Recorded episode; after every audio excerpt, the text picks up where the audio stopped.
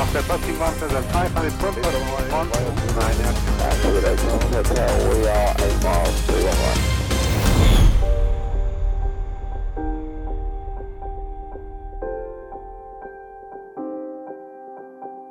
Megjelent egy lengyel kiskatona, kabin ajtón kívült megállt, és egy AK-47-es, egy olyat ránk fogott gyakorlatilag, újra ravaszon, ez egy ilyen 18-19 éves forma fiatalember volt, és azt mondta nekünk, hogy Fly Tempelhof.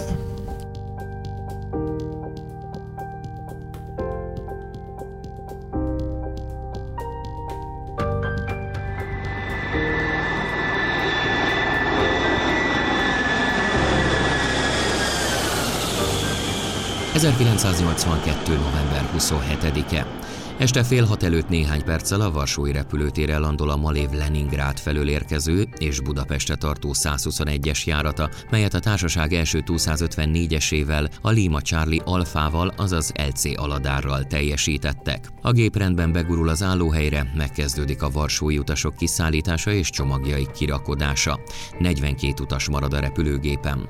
A munkát a földön Horváth Árpád fedélzeti mérnök felügyeli, a pilóta főkében pedig Nagy Imre kapitány és Antolik Tamás első tiszta budapesti szakaszra, azaz napi negyedik felszállásukra készülnek. Nem sokkal háromnegyed hat után egy kis busz parkol le a 254-es mellett, amelyből egy fegyveres kis katona száll ki.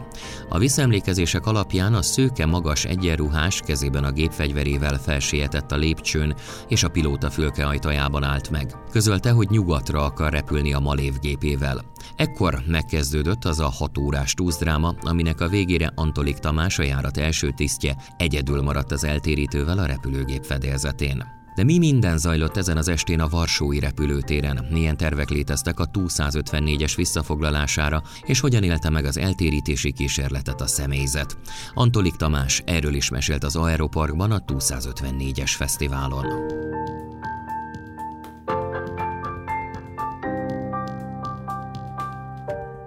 Tranzitállomásként álltunk a földön, ugye jöttünk a Leningrádból és Budapest felé tranzitált a repülőgép, a utasokkal a fedélzetén, akik ugye jöttek velünk, azok eleve a gépen voltak, és vártuk a varsói beszálló utasokat. Ugye LC Aladár volt a... Ezt akartam mondani, hogy ez volt a másik kapcsolódási Igen. pont ehhez a hétvégéhez, Igen. ugye a Igen. első 254-ese. Igen, így van. LC Aladár, Nagy Imre volt a kapitány, én még akkor másodpilótaként, ugye ez 82 novembere, ha jól emlékszem. Hát ilyenkor folyik a repülőgépnek a tankolása, bepakolás, ugye utas, utasok beszállítása, meg ilyesmi. Készülődés a következő szakaszra. Igen, és miközben ott a kabinba ültünk, tehát a Nagy Imre is, meg én is a helyünkön ültünk, én ugye készítem elő a navigációs dolgokat, készülünk a következő felszállásra. Hát igen, itt jött a meglepő fordulat, amit próbálok visszaemlékezni, nem is tudom, inkább meglepőnek, mint sem félelmetesnek gondolná az ember, vagy azt se tudja, hogy ez most játéke, vagy, vagy csak valami viccelődés, De hogy tény Isten az, valami hogy... filmnek a főszereplője lesz. Igen, tény az, hogy megjelent egy lengyel kiskatona kabin ajtón kívül, tehát a pilota kabin az nyitva volt, és abban az előtérben, amit most ugye, ahova fölmegy a lépcső, az abban az előtérben, ott megállt, és egy AK-47-es, egy olyat ránk fogott gyakorlatilag, újra ravaszon, ez egy ilyen 18-19 éves forma fiatalember volt, és azt mondta nekünk, hogy Fly Tempelhof. Aki nem tud nagyon angolul, az is megérti, gondolom, hogy ez a, meg hát egyértelmű volt a helyzetből, hogy ő Tempelhofba szeretett volna Berlinbe. eltéríteni. Igen, ez Nyugat-Berlinnek a repülőtere, a Tempelhof. Hát ez volt a, az a pillanat, amikor, ahogy mondtam, nem is igazán tudtuk felfogni talán az első pillanatban, hogy ez most valóság-e, vagy játék, mert ugye az ember sokszor viccelődik így a haverjaival, hogy, hogy tudod, hogy oldal, oldalába nyomja az ujját, hogy Fly Tempelhof, na jó, jó vicc volt, ugye? De ez, ez komoly volt, és hát ahogy néztem a fiatalembert, tudod, úgy, úgy remegett a szája széle, tehát úgy, úgy ő, ő volt legjobban betolva. Elég stresszes helyzet volt Igen. ez neki. Hát gondoljatok bele, hogy egy ilyen kiskatona 18 éves fejjel arra vetemedik, ez ugye 1982, tehát ahogy mondtad, egy polgárháborús időszakban megpróbált diszidálni úgy, hogy eltérít egy utasszállító repülőgépet, úgyhogy ő volt legjobban betolva, és én csak amiatt izgultam, hogy ott a nagy remegésben nehogy a a ravaszon rajta az ujja, hogy véletlenül elsüljön. Mert abban biztos voltam, hogy ő nem egy rossz szándékú terrorista, tehát nem egy ilyen robbantgatós fajta, hanem tényleg csak diszidálni szeretne, és ezt a módját választotta. Nem gondolta, hogy ez nem olyan egyszerű dolog. És ha jól tudom, volt egy olyan pillanat, nagyjából ekkor, hogy egy busz pont hozta ki a Budapestre Varsóból induló utasokat. És volt ott egy élelmes kolléga, talán pont az akkori állomásvezető, aki visszafordította ezt a buszt, vagy a horvát árpi volt a fedélzeti mérnök, aki éppen lent volt? Százszerzalékra nem tudom megmondani, mert ugye ez bent történt a kabinba, most mi jelentettük egyből a, az irányító toronynak, a Nagy Imre, ő volt a kapitány, ő jelentette a toronynak, hogy mi a helyzet, hogy itt egy gépeltérítő szeretne Tempelhofba repülni, és akkor ugye azt mondták nekünk, hogy várjunk. Természetesen ilyenkor mi mást mondhatnának, de hát nyilván riasztottak minden biztonsági szolgálatot ott, akit el lehet képzelni. Gondolom a képviselőnek is eljutott, a képviselőhöz is eljutott a hír, de tényleg a busz az vissza lett irányítva a tranzitba, tehát a induló utasok, akiket kérdeztél, már nem szálltak be.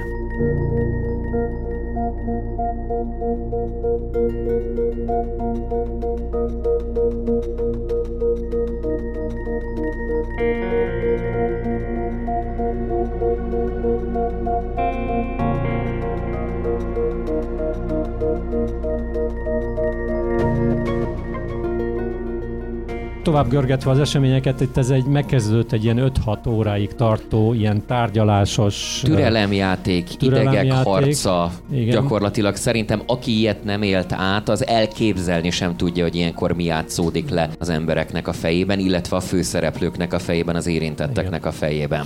Ezt az első néhány percet leszámítva utána megnyugodott a hangulat, tehát mi láttuk, hogy itt a lövöldözés az, az nem várható, mármint a ő részéről. Úgyhogy mi elkezdtünk szépen felkészülni az útvonalra, és akkor...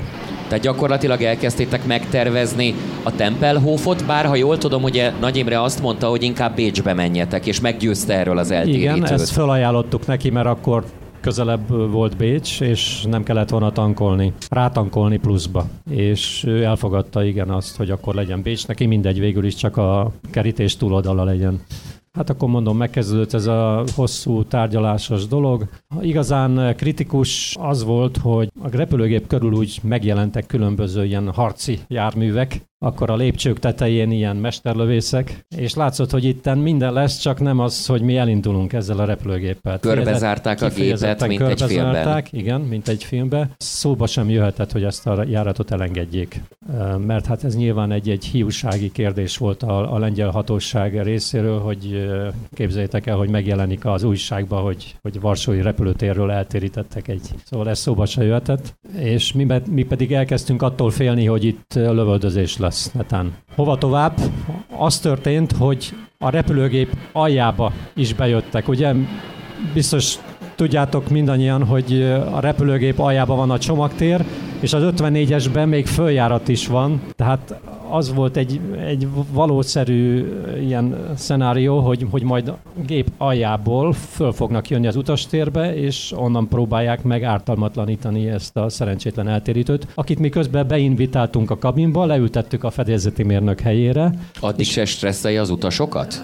Nem azért, hanem azért, mert nem beszélt ő angolul, tehát ő ezt az egyet tudta mondani, hogy Fly Tempelhof, és hogy tudjon ő direktbe beszélni a toronnyal, a lengyelekkel, tehát mi nem tudtuk tolmácsolni gyakorlatilag az ő kívánságait. Tehát azt akartuk, hogy, hogy üljön le, és akkor addig is nyugalom van, és akkor beszéljen ő, tehát direktbe a, az irányító toronja. Az utasok, ha már szóba kerültek, ők hogy viselték ezt az estét? Tény egyébként, hogy ő lassan elengedte adagokba először a nőket, aztán gyerek, gyerekeket, nőket, és a legvégén a mindenkit, de még azelőtt ugye először fontos megjegyezni, hogy, hogy a horvát Árpi, aki nem volt a gép alatt őt elkapták a biztonságiak, őt nem engedték vissza akkor utána a Nagy Imre, a kapitány azt gondolta, hogy majd ő lemegy, aztán intézkedik. Ő is lement, ő se jött vissza. És akkor te ott maradtál a Úgyhogy pilóta a végén fülkében. én maradtam a, ezzel az eltérítővel a, a fedélzeten, akkor átültem a baloldali ülésbe, mert onnan láttam jobban, hogy mi minden zajlik,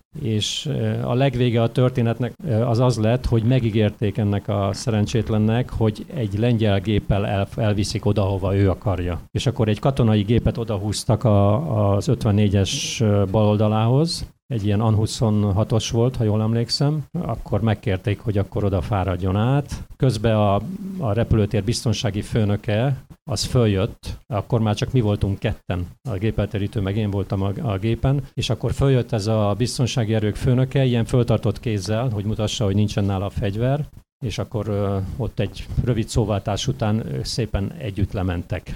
És ez a, hát én nagyon sajnálom, megmondom őszintén ezt a fiatalembert, mert ugye ez a gép, amit mellénk húztak, el volt sötétítve. Nem És- véletlenül. És hát gondolom, hogy itt a jelenlévők is mindenki ki tudná találni, hogy, hogy mi volt a repülőgépbe. Hát egy kommandó, természetesen egy, egy kommandó osztag volt a repülőgépbe bent, úgyhogy eh, ahogy a fiatalember fellépett a lépcsőn és bement, én onnantól kezdve így számoltam, hogy egy, kettő, három. És tovább nem tudtam számolni, az, a fiatalembert így élettelenül vont, húzták ki a, a repülőgépből. Nem halt ő ott meg, de, de ott leütötték, tehát úgy a testét úgy húzták ki a gépből, és rakták be egy ilyen zsubkocsiba, és aztán el is vitték. Igen, milyen érdekes, hogy ahogy a te szemszögedből most hallottuk ezt a történetet, ugye van egy kronológia több helyen az interneten, ami erről az esetről szól, Igen. részben a korabeli hírekkel színesítve, ott az a tőmondat hangzik el, hogy az eltérítőt ezt követően ártalmatlanították. Hát igen. Kovács Ferenc. Én csak annyiban szerettem volna hozzászólni ehhez, hogy ugye én, lett, én voltam a következő áldozat, hogy úgy mondjam, szerencsés áldozat, aki állomásvezető lettem Varsóba, és nagyon sok ember beszél, emberrel beszéltem ezzel az elterítéssel kapcsolatban, és hogy mennyire eldólt döntve, hogy ezt a fiatal embert likvidálják, nevezzük így, finoman, olyan lőszerek voltak náluk, amit ők pontosan tudtak, hogy a, ha az üvegen keresztül lőnek, és akkor az a lövedék csak a fejébe áll meg. Tehát, hogy nem hatol tovább. Ilyen szinten voltak a mesterbevészek felkészülve arra, hogy, hogy kilövik a jó embert, hogyha üvegen keresztül, tehát a repülőgép ablakán keresztül akarták volna kilőni, hogyha erről van szó. E, ami mm, egyébként a magyar konzulnak volt köszönhető, hogy erre nem került sor. Ezt kifejezetten neki köszönhetik. E, Ez az úriember, ha túlélte, nem tudom, hogy túlélte, mert erre, e- ezt, ezt nekem soha senki nem árulta el. Tény, hogy a magyar konzulnak köszönheti. Ha él, akkor neki köszönhető, hogy nem lőtték fejbe ott a repülőgépet. Természetesen kapcsolatba léptek a magyar ö, minisztériummal, nem tudom, hogy a légügyi minisztérium vagy a külügyminisztériummal, és a magyarok kategórikusan megtiltották, hogy bármilyen katonai akciót a repülőgép fedélzetén végrehajtsanak. Tehát ennek, én úgy tudom, hogy ennek volt köszönhető, hogy végül is a csomagtérből nem támadtak. És ott a kora este során ebből egy elég komoly feszültség is volt a magyar és a lengyel fél között, Igen, hogy igen. végül is akkor mi legyen a megoldás, mert hogy azért Igen. volt egy eléggé heves Igen. szemléletű És parancsnok mi, a mi helyszínen. hallottuk, és mi tudtuk, hogy azok a dobogások ott a gép aljából, azok Mi mi történik? micsodák. Hogy mi tudtuk, és attól féltem. Tehát ez volt az a másik kritikus moment, mert az első, amikor ránk fogta a pisztolyt remegő e, ujjakkal, ez volt a másik, amitől én nagyon féltem, hogy, hogy esetleg onnan fognak akciót indítani, és akkor annak ki tudja, hogy mi lesz a vége, ha a lövöldözésre kerül sor.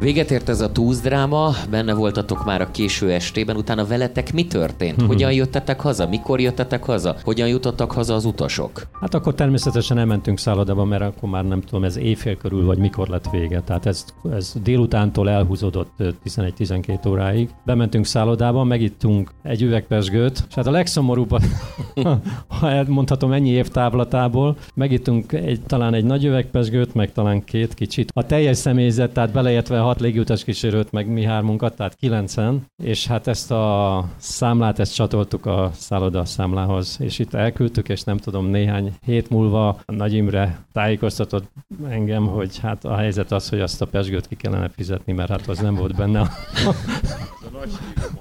Igen, az volt a Malévnek a nagy stílussége, hogy, hogy egy ilyen eset után nem írták le de végül is egy kis húzavona után végül is nem kellett, hogy befizessük. Ja, hát azt látjuk, hogy akkor a gazdasági osztály, vagy nem tudom, az elszámolási osztály hogyan élte át ezt az eseményt. Benned hogyan maradt meg ez az este ennyi idő távlatából? Néha még előjön, bármilyen formában, vagy nagyon, valami olyan reakció. Nagyon jól alszok én, nem. Nagyon nem jól alszol. Nem. Tehát abszolút semmi nem, olyan nincsen nem. benned, hogy bármikor Abszolút teljesen... nem, csak a, csak a sajnálkozás, ami bennem fölmerül ez eset kapcsán, hogy egy ilyen fiatalember így elrontsa az életét. Buta volt, mert ha valahogy meg tudta volna csinálni, hogy a gépre följön, elbújik, mit tudom én, és, és vagy vesz egy repülőjegyet, és, és Budapestre jövet, megpróbálja eltéríteni a gépét, akkor simán sikerült volna. Tehát abban az időben még nem voltak ilyen páncélajtók, meg ilyesmi, mindenkit be lehetett invitálni a pilótakabinba, tehát simán bejöhetett volna, és akár egy késsel el tudott volna téríteni bennünket annak idején, tehát ez nem lett volna